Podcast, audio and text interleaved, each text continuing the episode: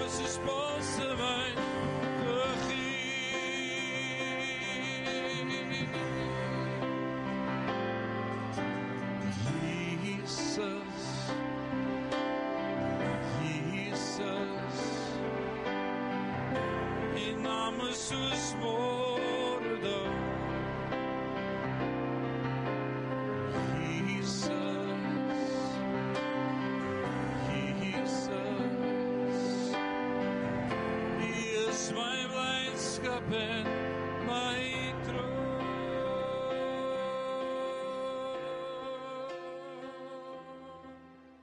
Lekker om vandag saam met jou te kuier om die woord. Ek hoop jy raak 'n oomblik rustig. Ek hoop dit is kalm daar by jou. Ek hoop jou ore is oop vandag om te hoor wat die woord van die Here vir my en vir jou wil leer. Ek wil vandag met jou oor praat oor hierdie omstandighede en tye waar ons is. En dit is moeilik. En dan is die vraag wat by my opkom is hoe hanteer ek en jy dit? Wat maak ons in hierdie moeilike tye om vorentoe te kan beweeg sonder om depressief te raak en moedeloos te raak? En ek gaan jou juis help om in die volgende week of 2 die belangrikheid van die nagmaal te verstaan in ons lewe. En as ons die belangrikheid van die nagmaal en die plek van die nagmaal in ons lewe verstaan as kind van God, gaan dit jou help dat sekere goed in plek val en vir jou gaan moed gee om vorentoe te beweeg. So wat maak ons wanneer alles uitmekaar val? Ons bly fokus op dit wat vas staan tot in ewigheid. En dis Jesus Christus. Hy is onveranderlik gister, vandag en tot in alle ewigheid dieselfde. So kry solank die woord gereed. Ons gaan vandag lees in Genesis 15 vers 7 tot 18 gaan ons saam blaai So kry so lank die Bybel oop en ek kon vandag enige plek kies om met jou te begin praat oor die nagmaal en die verbond en dit wat God met van die begin af met my en jou beplan het, maar dit sou ons weke besig hou. So ek wil inspring in Genesis 15 vandag en vir jou help om 'n sekere paar goed raak te sien. So wat is die scenario in Genesis 15? Ons sien Abraham omtrent 100 jaar oud. Uh belofte wat God met hom wil bevestig. God het gesê ek gaan jou seën, ek gaan vir jou nageslag gee soveel soos die sand aan die see en die sterre in die lug. En Isak is gebore, sy eie bloedkind tussen hom en Sara. Isak word groot. Uh ons kom nog nie by die offergedeelte nie. Iemand het eendag gespot en gesê dit was dalk maklik vir Abraham om vir Isak te gaan offer want hy was 'n tiener. Dalk sal jy verstaan as jy tieners in jou huis het, dit sal nie so moeilik wees nie, maar dis nie die waarheid nie. Isak word groter, Abraham word ouer en God wil die beloftes wat God aan Abraham beloof het vasmaak. Hy wil dit bevestig op 'n manier dat Abraham daaraan sal kan vashou en Isak en die nageslag. God beplan goed vir Abraham wat hy nog nie eens aan gedink het of by hom opgekom het van dit wat God wil doen met sy nageslag nie. En dan wil God hierdie beloftes vasmaak met Abraham. En dis hierdie gedeelte wat ons gaan sien in Genesis 15. Hierdie tye waarin ons leef is daar baie mense wat by ons sal kom en sal sê pastoor, ek is onseker. Daar's 'n onsekerheid by my oor hierdie werksopset of oor my nuwe werkgewer of werknemer of oor hierdie skuif of 'n huis wat ek wil koop. Uh, is dit die regte ding om te doen? En dan's my raad gewoonlik omdat ek getroud is met 'n prokureur is kry 'n goeie kontrak. 'n Kontrak is wettig, dis bindend, dit word erken deur die gereg en deur die staat en dit sê vir ons presies een hoe gaan dit wees en wat moet gebeur. So 'n kontrak in ons lewe is baie belangrik. Nou ons kan na Genesis 15 kyk vandag as 'n kontrak wat God met Abraham en die nageslag van Abraham gaan aangaan. God gaan met 'n eed 'n belofte maak wat hy wil hê Abraham moet verstaan, maar ek en jy as nageslag moet ook daarin kan terugverwys en sê dit was mos 'n belofte. Dis bindend. Dit staan vas tot in ewigheid. Nou die interessant van wat ons gaan sien vandag hier in Genesis 15 is dat hierdie besluite wat Abraham gemaak het, sy optrede, sy keuses, sy bereidwilligheid om met God in hierdie verbond toe te tree, het 'n effek op die geslagte en die geslagte na Abraham selfs. Selfs na Abraham se dood het sy keuses en sy besluite steeds 'n invloed gehad op die geslagte wat sou volg.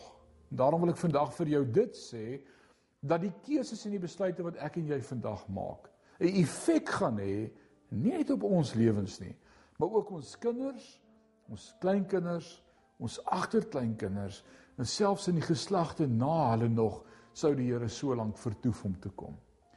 Dis baie belangrik dat ek en jy dit vandag sal besef dat my en jou optrede het 'n effek op die volgende generasies.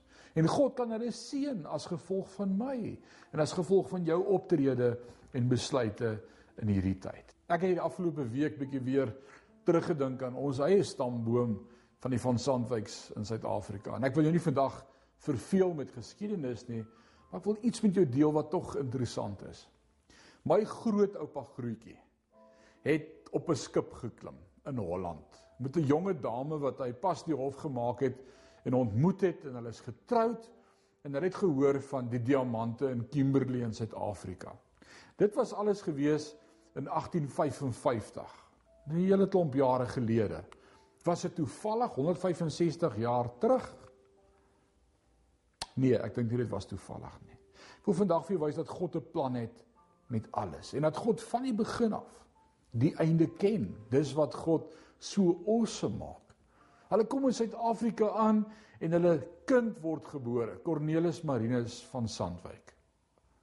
Hy kom in kontak met die Pinksterbeweging wat in Suid-Afrika uitgebreek het na 1906 en gee sy hart en lewe deurendeur vir Christus. Hy word een van die kerk se eerste volwaardige evangeliste georden in 1931 in Gesina gemeente Pretoria as evangelis.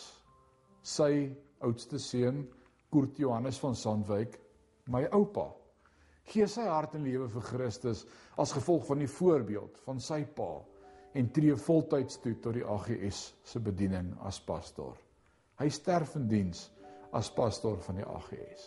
Sy oudste seun, Sandy van Sandwyk, is my eie persoonlike pa. Jonk in sy lewe hoor hy die roepstem na die bediening, gee ag daarop en word deel ook van die pastoraat van die AGS van Suid-Afrika.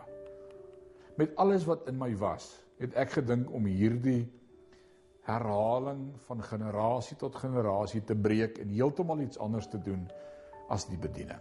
Met alles in my was daar weer sin in die bediening totdat God my eendag in 'n hoek druk en ek die stem van die Here duidelik hoor en in die jaar 2000 sê ek sal toetree tot die bediening. Ek is die vierde geslag wat voltyds in diens is, ononderbroke diens in die AGS kerk.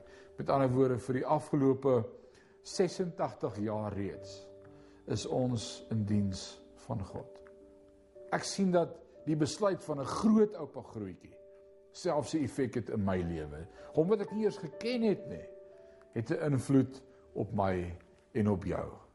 So daarom wil ek vandag vir jou sê wees attent op die besluite wat jy maak en dink voordat jy impulsiewe besluite maak omdat die besluit wat ek en jy maak ook ons nageslag kan raak.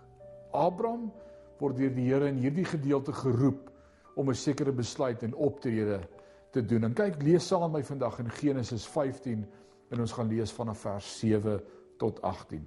Verder het hy vir hom gesê: Ek is die Here wat jou uitgelei het uit Ur van die Galdeërs om jou hierdie land in besit te gee.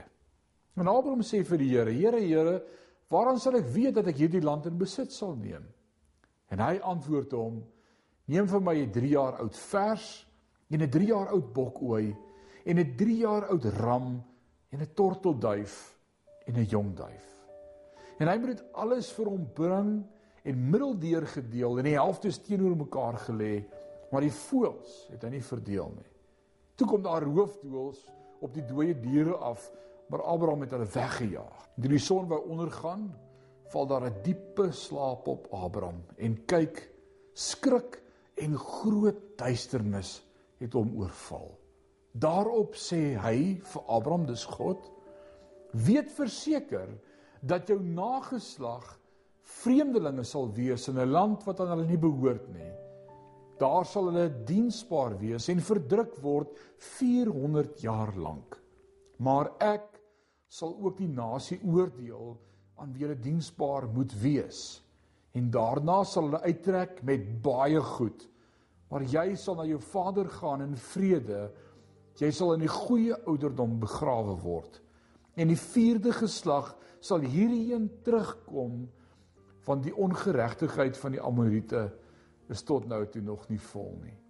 Na sononder, toe dit heeltemal donker was, het daar 'n rokende oond en vuurige fakkel tussen die stukke vleis deur beweeg. Op die dag het die Here met Abraham 'n verbond gesluit en gesê: "Aan jou nageslag gee ek hierdie land, van die rivier van Egipte af tot by die groot rivier, die Eufraat rivier." Wow!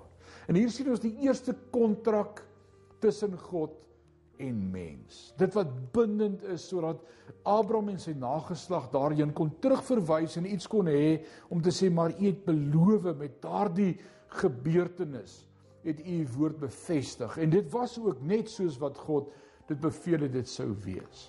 'n Paar dinge leer ek uit hierdie teks uit vandag en ek dit wil ek met jou deel vandag. In die eerste plek God is proaktief en nie reaktief nie.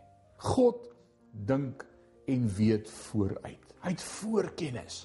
God weet alles. En omdat hy proaktief is en vooruit weet en geweet het dat ek en jy in hierdie tyd deur hierdie moeilike omstandighede sal moet werk, maar hy het ook geweet wie dit gaan maak. Hy het ook geweet groter is hy wat in ons is as hy wat in die wêreld is. En ek wil vandag sê as ons maar geglo het wat die woord ons leer, sou ons dalk baie anders opgetree het en baie ander besluite gemaak het as wat ons gemaak het. Ek wil sê omdat God proaktief is en weet, wil ek vandag sê God het sekere drome oor my en jou lewe. God weet wat gaan gebeur Voordat ek en jy nog besef of selfs voordat ons nog gebore was, het God presies geweet hoe dinge in plek gaan val. God is 'n awesome God. En daarom as ons vandag terugkyk na hierdie gebeurtenis, dan wil ek sê dit was die begin van die nagmaal. Dit was die begin van die Pasga. Want dis wat die Pasga in my en jou lewe doen. Die Pasga is 'n bevestiging van dit wat God gesê het, 'n kontrak tussen ons en ons kan daaraan herinner word elke keer as ons die nagmaal gebruik, as ons die brood eet en die wyn drink, dat God gesê het hy's met ons. Dat hy gesê het hy het die prys vir ons betaal. Dat hy vandag daardeur vir my en vir jou seker 'n plan vir jou lewe. En dit wat moet gebeur sal gebeur en daar sal nie een haar van jou hoof afval waarvan ek nie weet nie. God is 'n awesome God. En vandag vir my en vir jou as kind van God beteken die nagmaal dit dat God sy woord sal waarmaak. Dat hy sy woord gestand sal bring in ons lewe. Dat gaan gebeur en sal gebeur wat moet gebeur. God is 'n awesome God. Hy is in beheer. En hy bepaal die pad. Alles verander. Maar God verander nooit nie. Laat my dink aan daardie ou koortjie wat ons gesing het jare terug in die Pinksterkerk wat gesê het alles verander, maar Jesus nooit. Kom ons verheerlik sy naam. Kan ons vir hom dankie sê vandag. Ek wil bid dat jy dat jy gebless sal wees, dat jy sal vashou meer as ooit van tevore aan hierdie woord dat jy sal weet God is met jou. Groter is hy wat in jou is as hy wat in die wêreld is.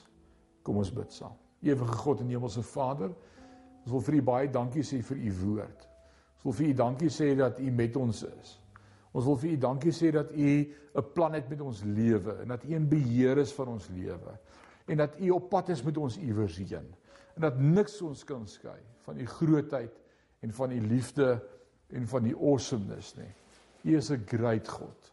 En ons wil U loof daarvoor, Vader. Ook vandag as ons die nagmaal gaan gebruik, is my begeerte en gebed dat elkeen vandag sommer U teenwoordigheid opnuut sal beleef en ervaar en weet dat U met ons is. In Jesus naam. Amen. As jy die nagmaal elemente gereed het en ons het ook 'n klomp van hierdie nagmaal elemente gereed en gekoop reeds vir ons gebruik hier by Sion sodat niemand daaraan hoef te vat nie. Kry vandag jou broodjie gereed? En as jy daardie broodjie het vandag, dan sê ons vir die Here, dankie vir die kruis. Dankie vir die prys. Dankie vir die plan met ons lewe. Dankie dat hy op pad is met my en met jou iewers heen en dat hy onveranderlik is. Ons eer U vandag vir U liggaam in Jesus naam.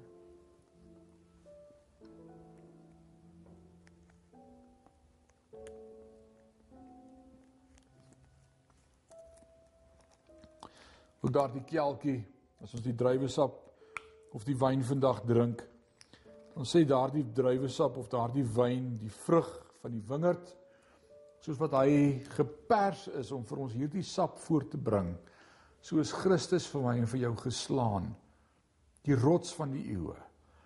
Sodat daardie bloed van Christus die prys betaal het vir al ons sondes en oortredinge. Sodat ek en jy kan wees die geregtigheid van Christus. Ons sê vir hom dankie vir sy bloed.